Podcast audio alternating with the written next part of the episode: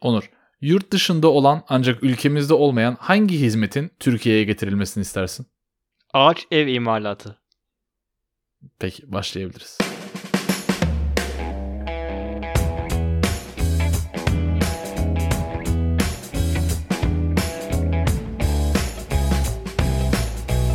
Türkiye'de ağaç ev mi yok? Ben çok görmedim açıkçası yani. İşin kötüsü ağaç evleri de hep dizi ve filmlerde gördüğümüz zaman ailelerin babaları yapıyor. O yüzden belki de olmaması daha iyidir. Peki ağaç ev derken mesela ağaçtan ev yapma mı yoksa ağaca ev yapma mı? Mesela böyle ağacın böyle üst dallarına böyle ev yapıyorlar. Ağaç ev oluyor ya. Öyle bir şey mi yoksa tahta ev mi yani? Yok tahta ev elbette vardır da ben ağaca ev yapılmasından bahsediyorum. Hani o görmüş olduğumuz Evet. her müstakil evin bahçesinde ailenin çocuğuna özel yapılmış merdivenle çıkılan, merdivenle inilemeyen o bir ağaç ev var ya. Çocuğun orada tek başına hayaller kurduğu. Evet güzel olurmuş. Yani filmlerde mesela fikri hoşuma gidiyor ama çok böcekli olur diye düşünüyorum. O ağaç evin içinde her türlü muhtemelen börtü böcek yer al- Ben çimene de çok oturmayı seven bir insan olmadığım için açıkçası ağaç ev ben ben yapmam. Bo- Bodrum katında falan kalayım ben böyle böceklerden uzak. Ya ben asla gitmezdim ama yurt dışında en azından Avrupa'nın birçok bölgesinde böceklere karşı insanlar daha şeyler. Daha alışkınlar, daha ılımlılar. İlaçlama yapmıyorlar yasak birçok yerde. Biz gördüğümüz yerde kafasına vurduğumuz için belki de kafam yani kendimiz çok öcüleştiriyoruz böcekleri deyip böceklerin de hakkını savunabilirim. Hakikaten yani. Benim yaşadığım yerde çok fazla örümcek var mesela. Çok fazla örümcek var ama. Yani gece arabayı bırakıyorum dışarı kalktığımda arabanın üzerine dikiz aynası örümcek ağ yapmış oluyor örümcek. Yani böyle bir örümcek halindeyiz. Her gece yatmadan önce mesela yatağımın etrafını kontrol ederim. Şu an bir daha bir baktım hatta mikrofondan uzaklaştığımı fark ettiniz mi bilmiyorum ama örümcek var mı diye sürekli bir korku içerisindeyim. Bu şehirde büyümemden kaynaklı bir eksik olabilir kendimde. E, ama biraz tırsak bir insanımdır bu konuda yani. Ya örümcekler özellikle bacakları tüylü olanlar, büyükler bayağı sıkıntı. Ama başka böcekleri yedikleri için aslında faydalılar. Neyse burada botanik bir konuşma yapmayalım.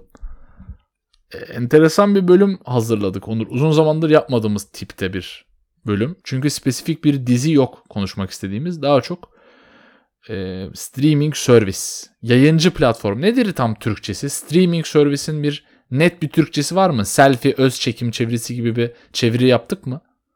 Yapmadık ama zaten yayıncı platform diye geçiyor bizde de yani. Streaming service, yayıncı hizmeti ama biz de yayıncı platformu dersek daha doğru olur herhalde.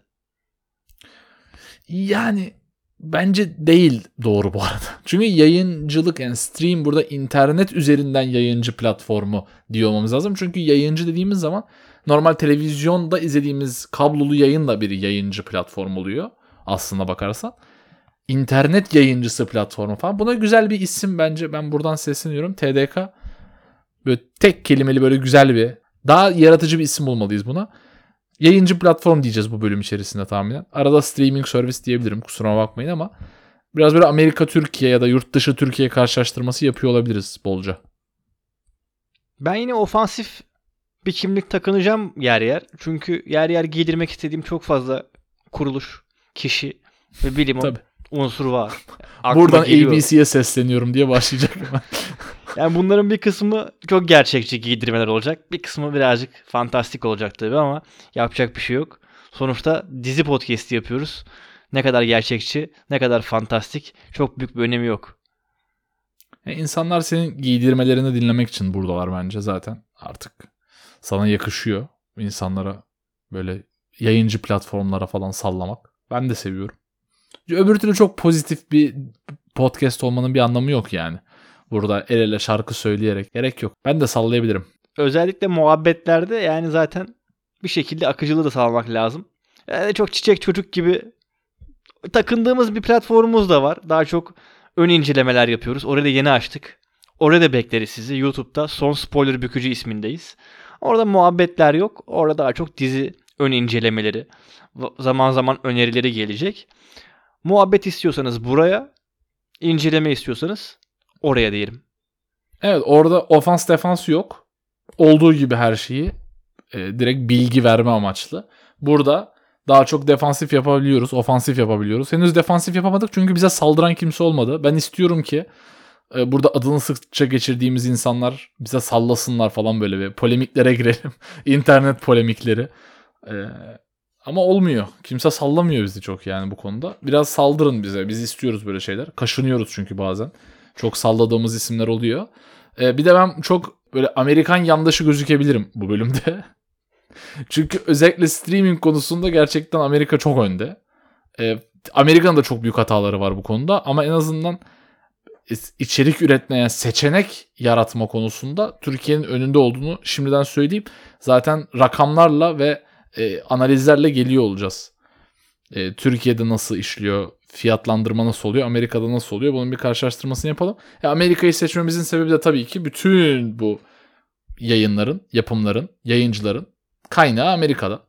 Hatta neredeyse tamamının merkezi benim arka sokağımda yani. O yüzden mecbur. İngiliz yayıncı BBC One falan böyle onlarla çok ilgilenemedik açıkçası. Çünkü sanmıyorum izlediğinizi. Ee, ayrıca uzun zamandır izlediğim en iyi yabancı diziler Netflix'teydi. Örneğin Alman dizisi ben Dark dışında izlemedim. Varsa bildiğiniz güzel yollayın onları da izleyelim. Bir de BBC One izleyen varsa aranızda gerçekten hakikaten yazsın. Ona özel bir bölüm yapacağız yani. Abi desin biz Veyahut da konuştuğumuzun dışında bir yayıncı platformun müptelası olan varsa o da yazsın. Çünkü seviyoruz. Yani toplum içerisinde görmeye alışkın olmadığımız insanları duymak, hissetmek, görmek, tanımak çok güzeldir. Ya tahmin ediyorum Crunchyroll burada hani bir şekilde anime hiçbir zaman konuşmadığımız için biz e, bütün bu platformları konuştuktan sonra bize biri gelip ya hocam ben anime izliyorum. Animeyi de bu platformdan izliyorum diye gelebilir. Gelmesin boşuna. Anime hiçbir zaman konuşmayacağız çünkü yani. E, ya Avatar belki. Benim e, benim anime bilgim oraya kadar gidiyor yani. Oradan sonra isimlerini biliyorum. Birkaç tane bir girdim çıktım falan ama podcast'ini yapacak bir şeyde görmüyorum kendim anime konusunda. Sende de öyle olduğunu ta- tahmin ediyorum. O yüzden normal kamerayla çekilmiş insanların olduğu genelde dizilerden bahsediyor oluyoruz, olacağız yani. Ben çok küçükken Japonya'yı Çin'in bir şehri sanıyordum. Anime bilgim anime bilgimi siz tahmin edin. O yüzden böyle bir beklentiniz olmasın bizden. Yani tamam yani küçükken de bu tabi de yani işin şakası. Ama anime bilgim hiç yok. Yani birkaç şehir sayarım. Japonya ve Çin'den o kadar. Tamam Çin'i bu arada artık başka bir tarafa alabilirim. Alakası yok evet, biliyorum. Evet. Of, şey yapmayalım. E, ofansif olmasın. Kızdırmayalım insanları. Çünkü anime fanlarından ben korkuyorum.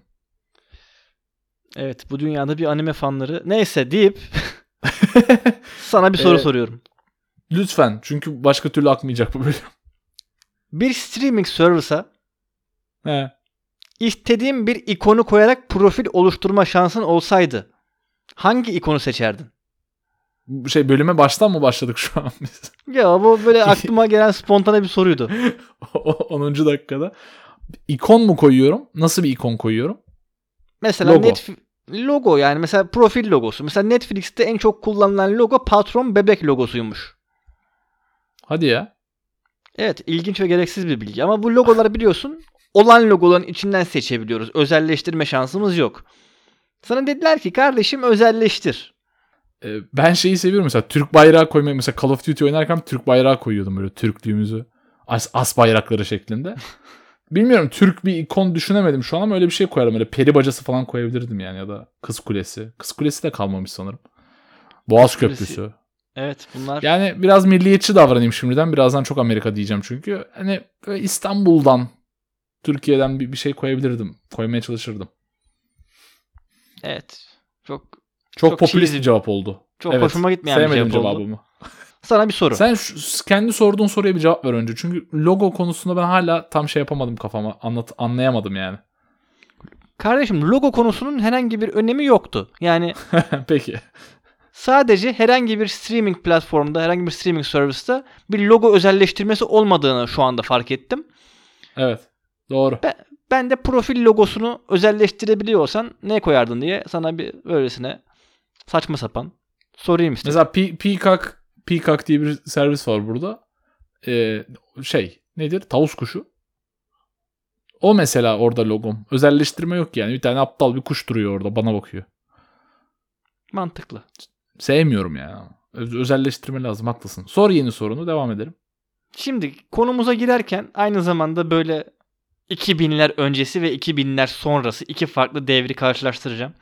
Bu devirleri karşılaştırmaya yaşı yetmeyenler de elbet birilerinden dinlemişlerdir önceki yıllardaki durumu. Eskiden hiçbir şey yoktu. Yani Ah şu eski bayramlar. Evet. her şey bir toz bulutundan ibaretti. Televizyonun dışında hiçbir şey yoktu. Yani böyle işte VCD'ler vardı ki VCD'leri belki sen de hatırlamıyorsundur. DVD'ler vardı diyeyim. Ee, onun haricinde televizyon. Ha Cine 5 vardı bak. Cine 5 çok büyük yenilikti. Orada Mr. Bean falan oynuyordu. Yani alt yazılı film izleyebildiğimiz nadir yerlerdendi. Sonra CNBC'ye geldi. Böyle yabancı diziler falan izleyebiliyorduk orada. Kafayı yedik. Ki keşke hala olsa da hala devam ettirebilsek. Ben hala izlerim CNBC'yi. 2000'lerden önce hatta 2000'lerin başında böyle bir durum vardı. Şu an 2022 yılındayız. Artık televizyonda hiçbir şey yok. Veyahut da var ama yok. İzleyeceğimiz her şeyi dışarıdan bir servis alarak izleyebiliyoruz ve edinebiliyoruz. İki dönemini karşılaştırdığın zaman ne düşünüyorsun? İki dönemin karşılaştırması kapitalizmin her türlü savaşı kazandığını gösteriyor bana. yani herhangi bir ekonomik düzende şu an yaşadığımız şeyi yaşamıyor olurduk muhtemelen. Ee, çünkü ne oldu? Netflix inanılmaz bir yani Pandora'nın kutusunu açtı resmen yani. Netflix Netflix gerçekten inanılmaz büyük bir dönüm noktası. Ben yabancı diziler izlemeye CNBC ile başlamıştım. Fakat yani bu hafta hafta dizi takip ederdik. Dizi takip ed- sevdiğimiz dizilerin haberlerini almamız daha zordu. Ama mesela sezon araları daha kısaydı. Normalde mesela yazın sezon arası, sezon finali yapar Mayıs'ta, Eylül'de yeni sezon başlar. Bu iki buçuk sene falan girmezdi araya böyle. Yani bambaşka bir dizi izleme metodu vardı. Yani Netflix önce bunu alt üst etti. Sonra şimdi de bir eskiye dönmeye başladı. Yine hafta hafta izlemeler. Yine böyle bir e, sonuçta o kadar fazla içerik var ki takip etme gerçekten zorlaştı. Takip etmek için başka platformlar kullanıyoruz. Mesela Just Watch kullanıyoruz. Oraya ekliyoruz dizileri. Gelince haber veriyor. Hangi kanalda yayınlanıyor falan. Yine eskiye bir geri dönüş başladık. Çünkü mesela eskiden şeyi hatırlıyorum. Mesela Türk bir Türk dizisi izliyorsun. Nedir? Perşembe akşamı Kanal D'de. Tamam abi Perşembe akşamı Kanal D'yi açıyorsun. Cuma Show TV'yi açıyorsun. Star'ı açıyorsun. Şimdi ne oldu? Ee, Perşembe akşamı Disney Plus'ta She-Hulk izliyorsun. Cuma akşamı Prime'da Lord of the Rings'i izliyorsun. Pazar akşamı HBO Max'te e, ya da Türkiye'de izleyemiyorsun ama inşallah bir izleyebiliyor olacaksınız. House of the Dragon izliyorsun. Ondan sonra Netflix işte her hafta bir tane dandik bir dizi getiriyor. Onu bir, bir oturuşta bitiriyorsun. Yani sanki eskiden zordu. Sonra bir ara kolaylaştı. Şimdi tekrar zorlaşmaya başladı gibi bir görüşüm var. Yani dizi takip etmek, özellikle böyle 10-15 tane diziyi aynı dönem içerisinde takip etmek gerçekten zor. Yani bir yere not alman lazım. Bir şeyin sana hatırlatması lazım. Ee, ve arada kaybolup giden çok dizi var. Yani Sandman asla konuşmadık. Ben çok heyecanlıydım gelişi için. Çok kayboldu gitti. Yorumları iyi, puanı iyi. Ne sen ne ben ne benim etrafımdaki kimse ya Netflix'in Sandman diye bir şey gelmiş mutlaka izleyin demedi. Kayboldu gitti arada. Yok oldu yani. Ben açıkçası oldukça yani oldukça demeyeyim ama hoşuma gitmeyen bir durumdayız şu an ve daha da hoşuma gitmeyen yeni durumlara doğru eee, gidiyoruz. Yani eskiden çok mutluydum ben televizyonda her şeyi izlemek. Herkesin çünkü aynı şeyi izlediğini bilerek konuşabiliyordun diziler hakkında. Şimdi yok ben X platformunda şunu izledim diyorsun. O o platformu duymamış bile olabilir. Oysa ki herkesin evinde iyi kötü televizyon vardı. Herkes aynı kanalları izleyip aynı şeyler hakkında yorum yapabiliyordu. Bu insanlar arasındaki aslında biraz da etkileşimi azalttı deyip işin sevmediğimiz sosyolojik boyutundan çıkıp Netflix'e geliyorum. Çünkü hepimizin bildiği atası bu işin Netflix değil mi? Herkes iyi kötü Netflix biliyor. Sen iki soru soracağım. Bunların ikisi aynıymış gibi gözükebilir ama farklı. Birincisi Netflix izliyor musun? İkincisi bir Netflix izleyicisi misin?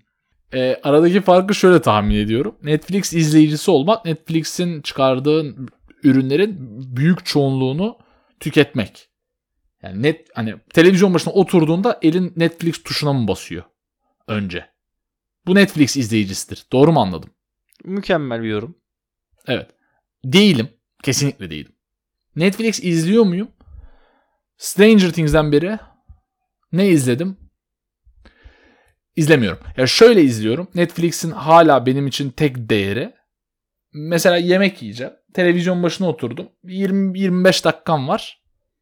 Önceki izlediğim dizilerden bir tanesini açayım bir bölüm oynasın. Gürültü olsun benim dikkatimi dağıtsın sonra işime devam edeyim şeklinde izliyoruz. Yani Netflix'le mesela YouTube benim için çok aynı kategoriye indirgenmeye başladı. YouTube da benim için öyledir. Açarım bir şey izlerim. 20-25 dakika dikkatimi dağıtır işime devam ederim şeklinde. Ama mesela HBO Max'te asla böyle bir şey yapmadım. Yani Sopranos'u tekrar izliyorum şu an. Asla mı ya açayım da Sopranos arkada oynasın diye izlemem mesela. A- açarım, otururum. Bir atıştırmalığımı alırım, izlerim. Bir dizi izleme mantalitesinde izlerim onu. Netflix bana böyle bir yapım işte dediğim gibi Stranger Things'i bu şekilde izlemiştik. O zamandan beri e, ve öncesinde de açıkçası çıkarttığı işlerden dolayı ve çerez diziler şeklinde o da benim gözümde ciddiyetini kaybetti platformun. O yüzden her iki sorunun da cevabı hayır aslında. İzleyicisi değilim, izlemiyorum. Güzel. Hoşuma gitti bu cevap. Ayrımı da güzel bir şekilde ifade ettin. Çok net bir şey söyleyeceğim. Netflix'ten nefret ediyorum. Yani Netflix'in birçok dizisinden belki bahsettik. Evet bahsetmeye de devam edeceğiz. Çünkü sonuçta kaliteli yapımlar geliyor. Ama Netflix'in uyguladığı politikadan, Netflix'in çalışanlarından, Netflix'in ilkelerinden tamamen tiksiniyorum. Ama para kazanmak için doğru şey mi yapıyorlar? Evet doğru şey yapıyorlar. Çünkü ben de bir ürün satıyor olsam sattığım ürünün ne olduğunun bir önemi yok. Kurabiye olabilir, bir oyun olabilir, bir konsol satıyor olabilirim. Müşteri kitlemi bana bağlı geri zekalılar ordusu olarak düşünmeyi çok isterim. Çünkü adam sorgusuz sualsiz ne üretirsem ne çıkartırsam bir şekilde gelip benden onu alıyor olacak. O yüzden karşı, karşımdaki insan müşteri kitlesi düşünsün istemem. Netflix de bunu bence mükemmel yapıyor. Yani hepimizi geri zekalıymış gibi düşünüyor ki birçoğumuz belki de geri zekalı gibi davranıyoruz bu konuda. bu konuda evet. Tüket, tüketim toplumunda kesinlikle öyle tüketim aptalıyız yani. Hepimiz tüketim evet. aptalıyız. Hakikaten normalde yüzüne bakmayacağımız şeyleri ya oturdum bir Netflix and chill işte kahvemi alayım. Netflix'in logosu artık böyle bir simge ya. İşte o da arkadayken böyle bir fotoğraf atayım, selfie atayım. Tam bunları yap da ne izleyeceksin? Yani izlediğin şey sana ne katacak? Orası bir boşluk ve çok fazla içerik var ama çok fazla da boş içerik var. O yüzden Netflix istediği şeyi yapıyor mu? Yapıyor. Hem de gerçekten çok fantastik fiyatlara yapıyor. Yani Türkiye'deki fiyatlarına baktığımız zaman 2022 yılında şu an 9. aydayız. İki defa zam yedi Netflix Türkiye'de. Artık yani en lüks paketi almak isterseniz yani 4K izlemek istiyorsanız 94 lira ödeyeceksiniz. Biraz sonra Amerika'daki fiyatları da geçeceğiz. Ama bu iş buna değer mi? Ne ödüyorsunuz ne alıyorsunuz sorusuna geldiğimiz zaman çünkü platformların sayısı arttı ciddi bir tüketim çılgınlığı var. Ki 94 lira bence bir platform için aylık olarak da bir bahsediyoruz. Gerçekten azım sancak bir tutar değil. Kesinlikle değil. Ee, Amerika'daki fiyatlara gelmeden şöyle bir düşüncem var. Sana da soru olarak yönelteyim. Şimdi çok fazla içerik var. Belki de dünya tarihinde daha önce bu kadar fazla dizi aynı anda yayınlanmadı. Kesin yani ve artmaya da devam edecek. Ve Netflix modeli dediğin gibi e, böyle şey. Mesela senle biz bir fikir bulsak Netflix'e gitsek dizi çekelim desek muhtemelen bir bütçe alırız yani. Az çok bir ismimiz varsa senaryo konusunda. Yani kimler kimler senaryo yazıyor da Netflix'e dizileri çekiliyor birden fazla şekilde. E, o yüzden hani Netflix modeli belli kalite kontrolde konuştuk. Güzel bir bölümdü o. Gidin dinleyin. İşte Into the Night tarzı dizilerde. Yakamoz üzerine geldi. Spin-off'lu falan bunlar. Sıfır kalite. Kimse de bakmıyor kaliteli mi değil mi diye. İzleniyor mu? İzleniyor. Burada sorum şu. Sence bu e, hani duvara attık ne tutarsa şeklinde model bir yandan da daha kaliteli diziler çıkmasını sağlayabilir mi? Çünkü bu kalabalığın içerisinde öne çıkmak için çok ekstra kaliteli bir iş yapmak gerekiyor sanki. Yani ben öyle bakıyorum. Hani kapitalist düzenin mantığı nedir? Açık market mücadele yaratır. Mücadelede kaliteli ürün çıkartır. Ee, bu çünkü pazar yeri bunu dengeler. Sen önüne geçmek için rakibinin daha kaliteli bir yani başka bir iş modeli, bir e, differentiation yani bir farklılık yaratman gerekiyor. Sence bu Netflix modeli üzerinden dışarıya çıkabilmek için Apple TV Plus'lar olsun, HBO'lar olsun, Prime'lar olsun daha kaliteli içerik üretmeye çalışır mı? Yoksa Netflix modelinde biz de daha fazla çıkartalım, bizi de daha fazla izlesinler mi olur? Şöyle bir gerçek var. Filmler için değil ama insanlar için örnek vererek filmlere getireceğim konuyu. İçerisinde bulunduğunuz topluluğun seviyesi sizin de seviyenizi yavaş yavaş belirler. Yani şöyle bir örnek vereyim. Öyle bir sınıftasınız ki herkes çok çalışkan ama siz çok çalışkan bir tip değilsiniz. Öyle olsanız bile sağındaki çalışıyor, solundaki çalışıyor. Bir süre sonra sen de ders çalışmaya başlarsın ve kendi seviyeni yukarı çekersin. Bu kaçınılmaz bir gerçek. Tam tersi oldu. Hı hı. Çalışkan bir insansın ama etrafındaki herkes çok tembel. O zaman dersin ki abi ben çalışsam ne fark eder, çalışmasam ne fark eder. Zaten herkes çok tembel. Çalışmayı bırakırsın. Bence aynı şey filmler ve diziler için de geçerli olacak. Yani o kadar büyük bir dizi çöplüğü, büyük bir yapım çöplüğü olacak ki ama herkes bunları izlemeye devam edecek. Bir süre sonra hakikaten kaliteli iş çıkartmaya oldukça böyle baş koymuş kişiler, bu anlamda prensip sahibi kişiler motivasyonunu kaybedecek tamamen. Çünkü artık iş tamamen bir şey üretmeye yönelik. Kaliteli bir iş üretmeye yönelik değil maalesef. O yüzden ben yavaş yavaş öyle olmasını istemesem bile her şeyin Netflix modeline yakın sanacağını düşünüyorum. Sen ne düşünüyorsun? Ben aynı düşünmüyorum seninle bu konuda. Ee, bir kere Netflix kendi modelinden çıkamaz. Kendini bir yola soktu ve buradan daha ben Netflix'ten kaliteli bir iş beklemiyorum ve algı çok önemli. Yani marka konusunda özellikle müşterinin sizi nasıl algıladığı çok önemli ve bu algıyı değiştirmek çok uzun sürer. Ee, ve Netflix'in belli bir algısı var artık ve bu algıdan çıkamaz. Çıkmasına da gerek yok açıkçası. Çünkü ikimiz de Netflix'ten bu kadar nefret etmemize rağmen ikimiz de her ay Netflix'in parasını veren insanlarız. Bu zaten Netflix açısından çok şey açıklıyor. Çünkü çok vazgeçilmez bir platform yaptı kendini. Fakat mesela HBO Max düzenli olarak iyi iş çıkartmaya devam ediyor. İşte Türkiye'ye girişiyle beraber bir işte uluslararası bir açılım yapar. Discovery ile bir birleşim yaşayacak. Zaten aynı sahipler yani sahipleri aynı. İşte iki platform birleşecek. Biraz daha genişleyecek. Sanki Netflix modelinden bir uzaklaşma yaşamaya çalışabilir orada. Belli platformlar. Mesela Apple TV Plus'ın içerisinde çok az iş var. Çok az dizi ve film var. Fakat çok istikrarlı bir şekilde iyi dizi çıkardı Apple TV Plus. E, çünkü mesela Apple bence e, o çöplük algısı yaratmak istemez kendi platformu için. Apple her zaman en premium ürün havası yaratmak istediği için e, bence iyi dizileri tutacak platformlar var. Benim tek üzüntüm Disney Plus'ın HBO tarafına değil Netflix tarafına gidiyor olması. Ki e, yani Marvel Star Wars evreninde sürekli dizi, sürekli yapım, sürekli bir şey çıkacak. Her hafta izleyiciyi hatta her gün ekran başına çekmeye çalışması demek Netflix modeline gidiyor olması demek. Ne kadar dizi HBO modeline giderse dizicilik açısından o kadar keyifli ve faydalı olur bence. Ee, yeni platformların ne tarafa gideceği çok önemli bence. Ama senin kadar karamsar değilim yani. Bence iyi iş üreten platformlar olmaya her zaman devam edecek.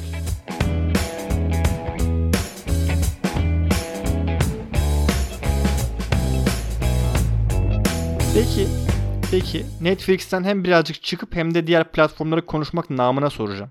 Sence şu anda en kaliteli işleri yapan platform hangisi? HBO. Net. Bu arada HBO hemen denmişken son bölümümüzde bahsettik mi bahsetmedik mi emin değilim. HBO Max Türkiye'de yok ama Türkiye'ye gelecek. Yani bir genel müdürü dahi atandı. Normalde House of the Dragon'ı oradan izleyebilecektik ama ne oldu ne bitti bilmiyoruz bir şekilde ertelendi bu süreç ama 2022 içerisinde hala geleceğine inanılıyor diyelim. Biz de şu anda onun dizilerini Blue TV'den bir şekilde izleyebiliyoruz. Devam edebiliyoruz. O da Blue TV'nin Discovery ortaklığından geliyor. Biraz sonra belki Blue TV'ye e, geliriz çünkü kendilerini çok güzel giydireceğim. Ama onu en sona saklıyorum. ya şöyle o, bu soru üzerine soru. O zaman birbirimize soru yönetmeye devam edelim. Anket programı gibi oldu biraz. HBO Max'in Amerika fiyatı Netflix'in orta paketiyle, standart paketiyle aynı. 50 cent var aralarında ama 14.99 HBO, 15.49 Netflix'in standart paketi şu an. Varsayalım HBO Max Türkiye'ye Netflix'e aynı fiyat bandına girdi. Yani standart fiyatı neyse Netflix'in 60 lira mıydı? Sen söyledin az önce unuttum. HBO Max Netflix'le aynı fiyatlandırmayla girerse HBO Max üyesi olur musun geldiği anda? Ben şu anda açıkçası Netflix'i 4 ekranlı olarak kullanıyorum. Yani 4 farklı kişiyiz ve bu şekilde girdik buna. O yüzden çıkmıyorum. Yoksa her an Netflix üyeliğimi iptal edebilecek konumda olurdum. Eğer ki Hı hı. HBO Max böyle bir hata yaparsa ki yapacağını hiç düşünmüyorum. e, asla ve asla almam. Evet ya bence de. Çünkü e, o zaman fiyat konuşabiliriz şimdi biraz da. Şimdi Amerika fiyatlarında Netflix e, 9.99, 15.49, 19.99 yani en pahalı paketi 20 dolar. E, burada Instagram'daki şey gurbetçi abiler yapmayalım da 20 birime burada alıyoruz falan diye böyle. Benzin olmuş 6 dolar. E, şuna baktım. 9 tane ana yayıncı servis var. Apple TV Plus, Discovery Plus, Disney Plus, HBO Max, Hulu, Netflix, Paramount Plus, Peacock, Prime. Burada Discovery Plus ile HBO Max birleşecek önümüzdeki sene içerisinde. Neyse. 9 tane platform var. 9'una birden üye olursan 100 dolar veriyorsun. 9'da 9. Hepsini aldın. Netflix'in standartıyla beraber 100 dolar veriyorsun. Sen Netflix'in 4 ekranına 90 lira veriyorsun. Şimdi burada bir temenni yaparak başlayacağım. Yani bizim dinleyenlerimiz arasında öyle birisi yoktur ama olursa ki derse ki abi bak 100 dolarmış bir dolar şu anda işte 18.20 o zaman Evet 1800 lira veriyorlar diye. o zaman 1800 lira abi biz ucuza izliyoruz diyen olursa şimdi yavaşça bizim podcast'imizi kapatsın. Böyle Ekon 101 dersi falan vardır mutlaka YouTube'da basit basit ekonomik yani basit derslerle başlasın önce. Çok ağır Mikroekonomi çok ağır bir şey önermeyeceğim ama yani biraz kendini para birimleri alanına ne bileyim yetiştirsin veya benzinci yer gittiği zaman hep 50 liralık alıyorum ben demesin. Yani burada sonuçta Amerika'da 10 dolarsa burada onun muadili 10 lira olmalı. Biz para birimleri üzerinden bir karşılaştırma yapıyoruz. O yüzden senin vermiş olduğun örnek gerçekten çok çarpıcı ve bir o kadar üzücü bizim için. Çünkü dediğin gibi bizde bir Netflix, sende alayının toplamına eşdeğer maalesef. ben yani kişisel hayatımdan örnek verebilirim. Hani sonuçta Amerika'ya geldim. Burada kazandığım paralar hiçbir zaman asgarinin çok üzerinde olmadı. Ama buna rağmen işte bir Disney bandalı, Disney Plus, Hulu, ESPN ve bir HBO Max alabildim. Netflix'i Türkiye'den ödüyorum çünkü aileyle paylaştım. Netflix benim için aynı durum seninle. Yani birileriyle paylaşmıyor olsam ben de mutlaka Netflix'ten çıkmıştım. Ee, ve ikimiz de teknolojik yatkınlığı çok yüksek insanlarız açıkçası. Yani istediğimiz her şeyi kaçak izleyebiliriz aslında. Fakat hani ayda 9 dolar kenara ayırabilme ya da 10 lira kenara ayırabilme lüksümüz olduğu için açıkçası biraz bunu bölümden önce de söyledim. Yani benim bu platformlara sahip olma sebebim konfor.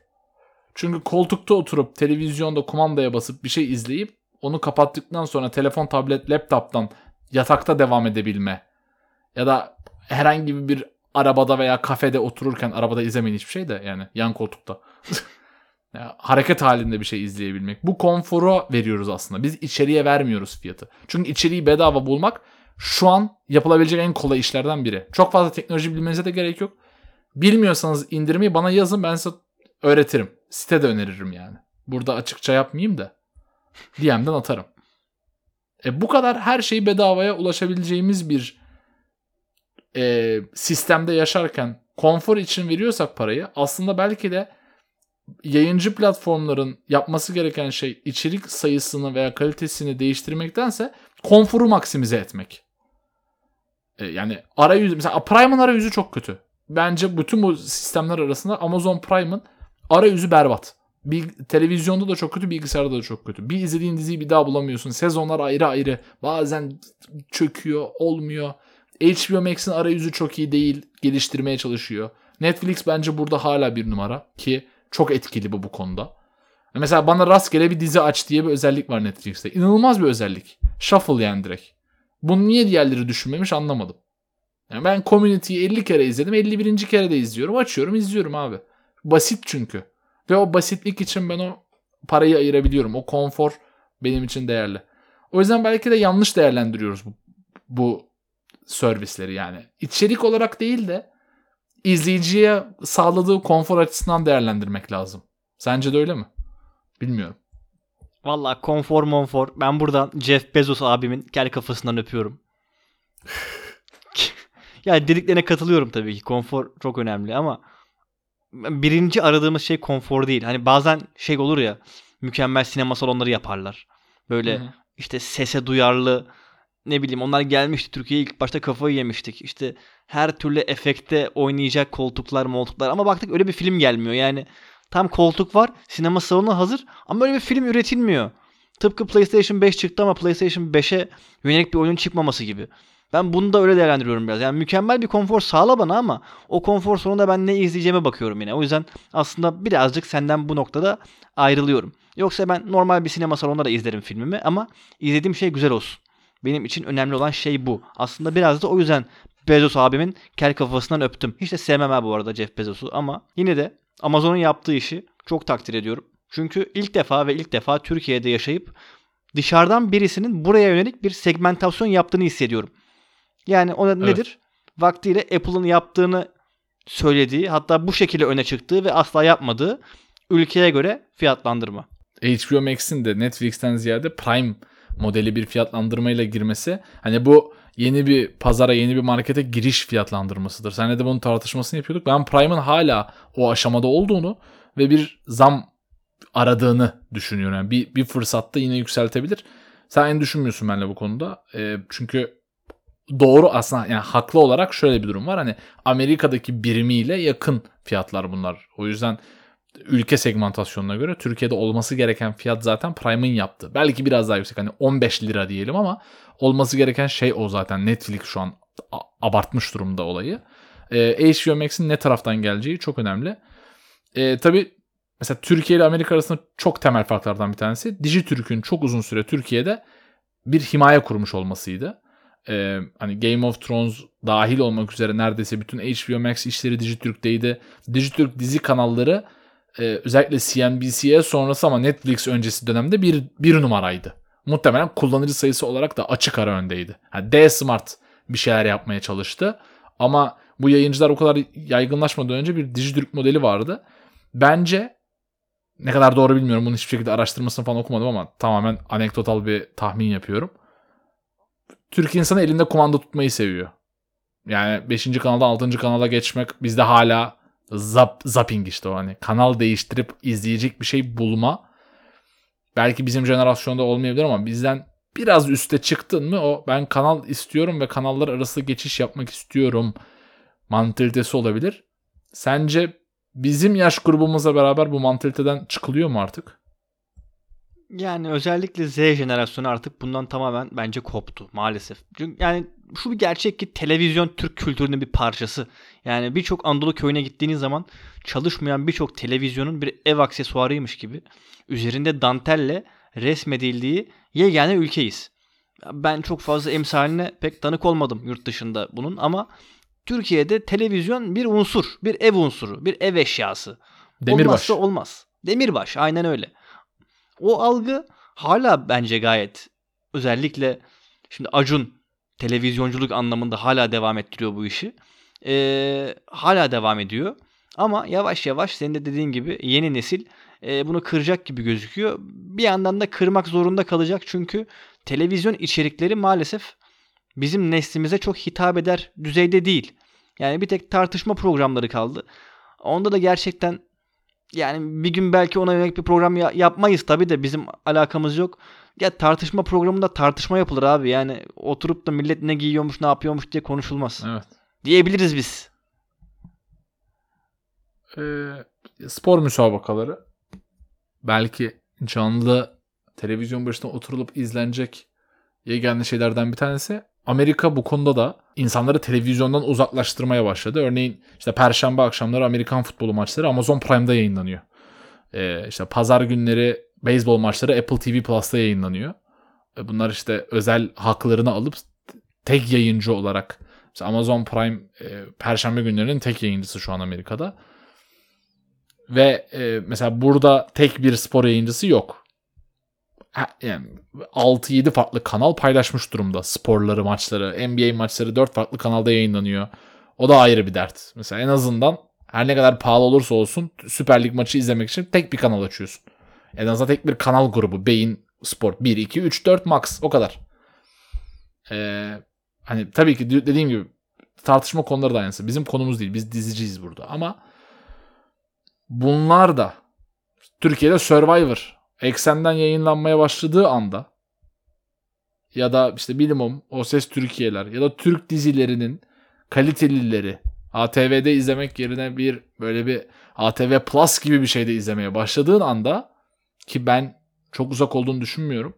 Televizyonculuk olarak tabir ettiğimiz şeyin son günlerini yaşadığımızı düşünüyorum açıkçası. Türkiye içinde. Amerika'da zaten çok büyük bir değişim gerçekleşti. Son özellikle pandemi şeydi böyle.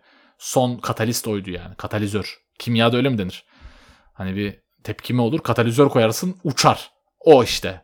Pandemi katalizördü. Herkes artık e, yayıncı oldu. Herkesin yayıncısı var. Yayıncısı olmayan da yayıncı açıyor. Türkiye'de benzer bir modele girecek e, diye düşünüyorum. Açıkçası çok da cesur bir tahmin olduğunu düşünmüyorum yani. Breaking Bad'in sanıyorum ki ikinci sezonu olabilir. Çölde Jesse ve Walter'ın mahsur kaldığı, akünün yandığı zaman evet. Walter White bir akü yapıyordu hatırlarsanız. Orada da ee, iletici madde olarak bakırı kullanıyordu ama iletici madde nedir aklına gelen diye Jesse'ye soruyordu. Jesse de aa evet tel diye cevap veriyordu. Sen bana kimya ile ilgili bir soru sorunca kimya bilgimin Jesse ben de hiç, bende de hiç yok. Ben lisede fenciydim yani. Sonra TM'ye geçtim de yani hani oradan kalmış biraz aklımda. Çok çok ile yani benim kimya bilgim o kadar yani hani Jesse Pinkman'dan biraz daha iyi. Yani ben tel demezdim de boş bırakırdım. O yüzden katalizör evet katalizör. Doğru evet katalizör. Şimdi yani Eksen'e de böyle bir giriş yaptın. Çünkü bizde maalesef Eksen gitti Şampiyonlar Ligi maçlarını falan da aldı. Evet. UEFA maçlarını da aldı. Acun garip işler yapıyor ama bizde niye olduğunu çözemediğim bir platform. Yani streaming platform demek istemiyorum. Bir platform, bir şey yani. Çok da pahalı. Bir de reklamlı reklam reklamlı reklamsız diye ayırdı. O da garip. İnanılmaz pahalı. İçi gerçekten çok boş. İlk çıktığı zaman Ekseni ben televizyondan nasıl izleyebilirim diye bir bölümü vardı kendi içerisinde bir soru cevap yapmışlardı. Cevabında da bir HDMI kablosu alınıp televizyonun arkasına bağlanır. Diğer kablo da laptopa bağlanır diye bir açıklaması vardı. Thank you. Eksen enteresan. Thanks Obama. yani gerçekten Acun'un yaptığı en kötü iş olabilir ve tutacağını da hiç düşünmüyorum. Bence batması çok yakındır. Yani oraya ne gibi bir anlaşma yapıp kimi bağlar bilmiyorum ama Hasan Can Kaya'yla bir de Gibi ile yürümez orası.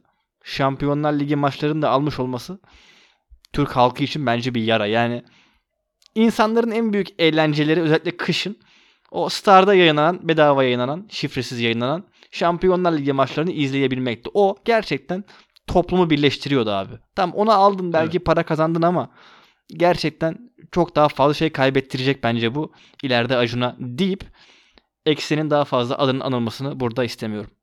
Ben an- an- anacağım ama. Sadece şunu ekleyeceğim. Ee, az önceki konfor muhabbetine geliyorum. Eksen konfor konusunda kaybetti. Ağır kaybetti. Yani bir şey hiç başlamadı bile yani. Bu Acun televizyonculuk konusunda inanılmaz büyük bir vizyoner maalesef.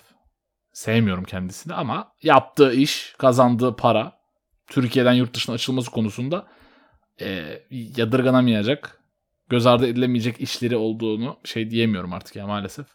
Ama eksen konusunda sınıfta kaldı. Yani yurt dışındaki muadillerine yakın işler yapan bir Acun eksen konusunda yurt dışındaki muadillerine hiç mi bakmamış anlamıyorum. Ben de eksen hakkında daha fazla bir şey söylemek istemediğim için şu tartışmayı açıyorum sınıfa. HBO Max'in Türkiye'ye gelişi Blue TV'yi bitirir mi? İnşallah bitirir. Harikayız ya. Açıkçası Blue TV ilk başlarda böyle çok takip ettiğim bir platform değildi ama enteresan içerikleri vardı. Bir de canlı televizyonu falan da vardı. Açıp izleyebiliyordun. E içinde belgeselleri belgeselleri de vardı. O da güzeldi. Film kataloğu bence fena değildi. Ama ne zaman ki gidip Emrah Serbest'e tekrar anlaştılar. Behzat çekiliyor. Benim için o zaman Blue TV tamamıyla öldü. Bir daha asla izlemem diye düşünüyorum yani. Çünkü Emrah Serbest'i de burada konuşmayacağım da bilen biliyordur. Bilmeyen de gidip açıp öğrenebilir ne olduğunu. Ee, o yüzden Blue TV'ye karşı çok ön yargılıyım. Hiç hoşuma giden işler yapmayacak yani bundan sonra. Ee, o yüzden HBO Max inşallah Blue TV tamamen söndürür, batırır, piyasadan siler, yıkar, geçer. HBO Max konusunda özellikle House of the Dragon büyük bir sınavda HBO Max için. Çünkü mesela Game of Thrones'un yayınlandığı dönemde hep düşünce şeydi. Yani HBO Max AMC problemi yaşayacaktı. Mesela AMC'den hiç bahsetmedik ama AMC problemi nedir? Walking Dead, Breaking Bad ve o kadar. ve bu iki IP'yi, bu iki ellerinde olan ürünü artık şeyini sıka sıka böyle bitirecekler. Walking Dead'i mahvettiler zaten. Hani en azından Better Call Saul kurtarıyordu. O da bitti. Şimdi ne olacağına bakıyoruz ama AMC e, biraz hani gündemden düşeceği çok net. HBO Max'te Game of Thrones'la alakalı böyle bir korku vardı. Fakat HBO Max'in geçmişine bakarsak böyle kötü dizi yaptığı iki yıl yok. Arka arkaya çok iyi diziler çıkarttı. En başından Oz'la başlayıp Sopranos'uydu, Rom'uydu. Yani Game of Thrones Game of Thrones bittiği gün Chernobyl izledik.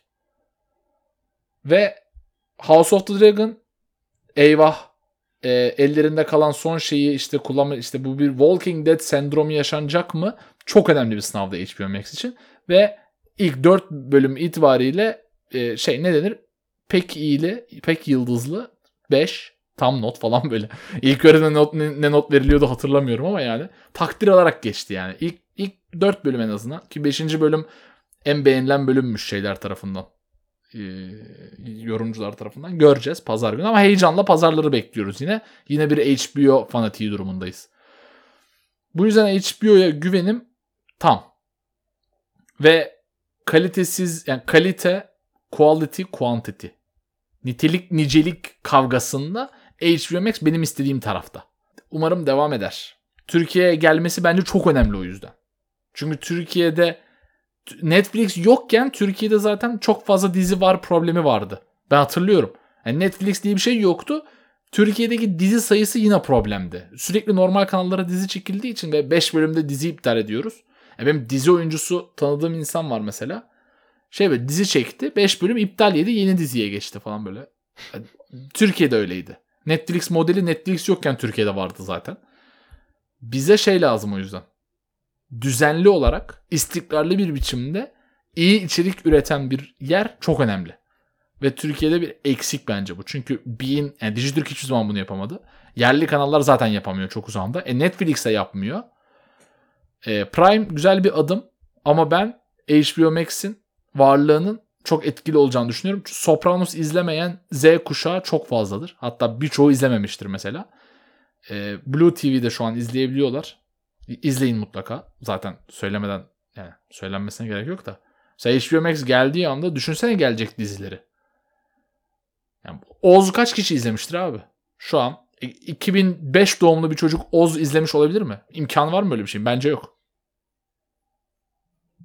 HBO Max böyle apartmanınızda oturan veyahut da nerede oturuyorsunuz bilmiyorum ama yani belki müstakil evdesiniz ama o zaman da etrafınızda gördüğünüz, gözlemlediğiniz her yere çok şık giyinerek giden o parfüm kokusu hep burnunuza çok çarpıcı bir şekilde gelen, saçları hep yapılı ama kahkahası sizi çok irite eden bir kadınmış gibi geliyor bana. Neden? Çünkü her şey Neden? çok güzel, içeriği çok güzel. Her şeyinden çok memnunum ama adını sevmiyorum. O da değişecek çünkü işte Discovery Plus mesela e, dediğim gibi mesela belgesel ve e, hani spor işte Eurosport mesela aynı aileye dair hep Discovery bunlar. Şu an Blue TV ile ortaklığı olan e, platform. Birleşecekler. Çünkü HBO Max de konfor konusunda sınıfta kaldığının farkında.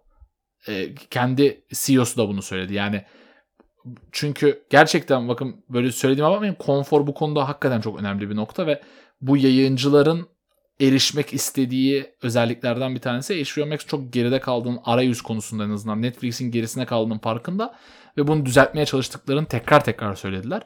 E, çünkü sistem çok çöktü. Yani House of the Dragon ilk çıktığı gün HBO Max çöktü. Ben kaçak izledim. Leaklendi de izledim yani. Parasını veriyorum şeyin leak'i izledim yani. Nasıl bir saçmalık. Diye herkes kızdı tabii ki. HBO Max ve Discovery birleşecek. isim değişikliği muhtemelen olacak.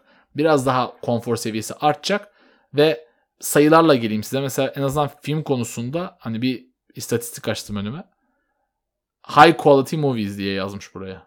Yüksek kalite filmler 7.5 IMDb üstü demiş.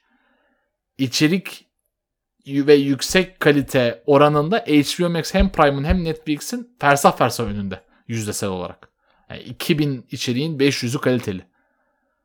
Yani Netflix'te 6000'e 400 falan yani böyle aradaki fark. Öyle bir fark yani. Yüksek kaliteli içerik konusunda. Buna bir de Netflix konforu ekledi mi HBO Max darma duman eder ortalığı diye düşünüyorum. Bir de HBO yeri gelmişken söyleyeyim.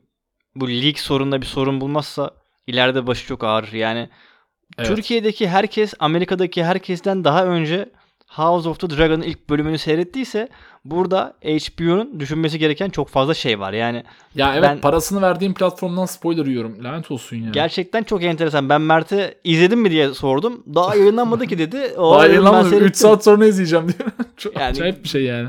Gayet mantıksız ama dediğim gibi ben önce adınızı değiştirin abi. Homebox Office diye platform mu olur deyip çok saçma bir yere gitmeden buradan çıkarıyorum. HBO. Amerika'nın Sine 5'iydi ya çıktığında. Doğru, Aynı doğru. yani. Doğru. Bu arada iptal edilen diziler falan oyuncular demişken aklıma hep gelen bir şey var. Onu da paylaşmak istiyorum. Bence filmlere ilişkin bir rating çok alışkın olduğumuz bir şey ama oyunculara yönelik bir rating yok. Yani bir oyuncunun ratingi azalıp düşmüyor. Adam ne kadar kötü bir film, ne kadar kötü bir dizi yaparsa yapsın yenilerini yapmaya devam ediyor. Bence aktörlerin ve aktrislerin bir rating platformuna adapte edilip hakikaten oylanması çok iyi olabilirdi. Ama yani bu nasıl olur bilmiyorum. Çünkü bazılarına sırf tipine kılım deyip bir veren çok tip olacak. Ama yapacak bir şey yok. Tabii. Bence bu biraz da kaliteyi yukarı çeker. Çünkü aklıma ilk gelen niye bilmiyorum ama Nicolas Cage oluyor. Kusura bakmasın. Adamı hiç sevmem. Ben çok severim bu arada. Güzel. Ben hiç sevmem Nicolas Cage'i. Ve hakikaten çok kötü filmleri var. Tabii ki çok iyi filmleri de var ama çok kötü filmler de yaptı. Ama adam sözleşmesi gereği bu filmleri yapıyor. Yani 5 yıllık sözleşmem var. 5 yıl içerisinde şu kadar yapımda oynayacağım deyip oynuyor. Neyde oynadığının bir önemi yok. Nasılsa parasını alıyor. Ama hakikaten dizi oyuncuları kontratlarını biraz da reytinge göre yapsa bence biraz daha kalite yukarı çıkabilir. Özellikle bu bahsetmiş olduğum bu tip Nicolas Cage sendromu yaşayan aktörler için.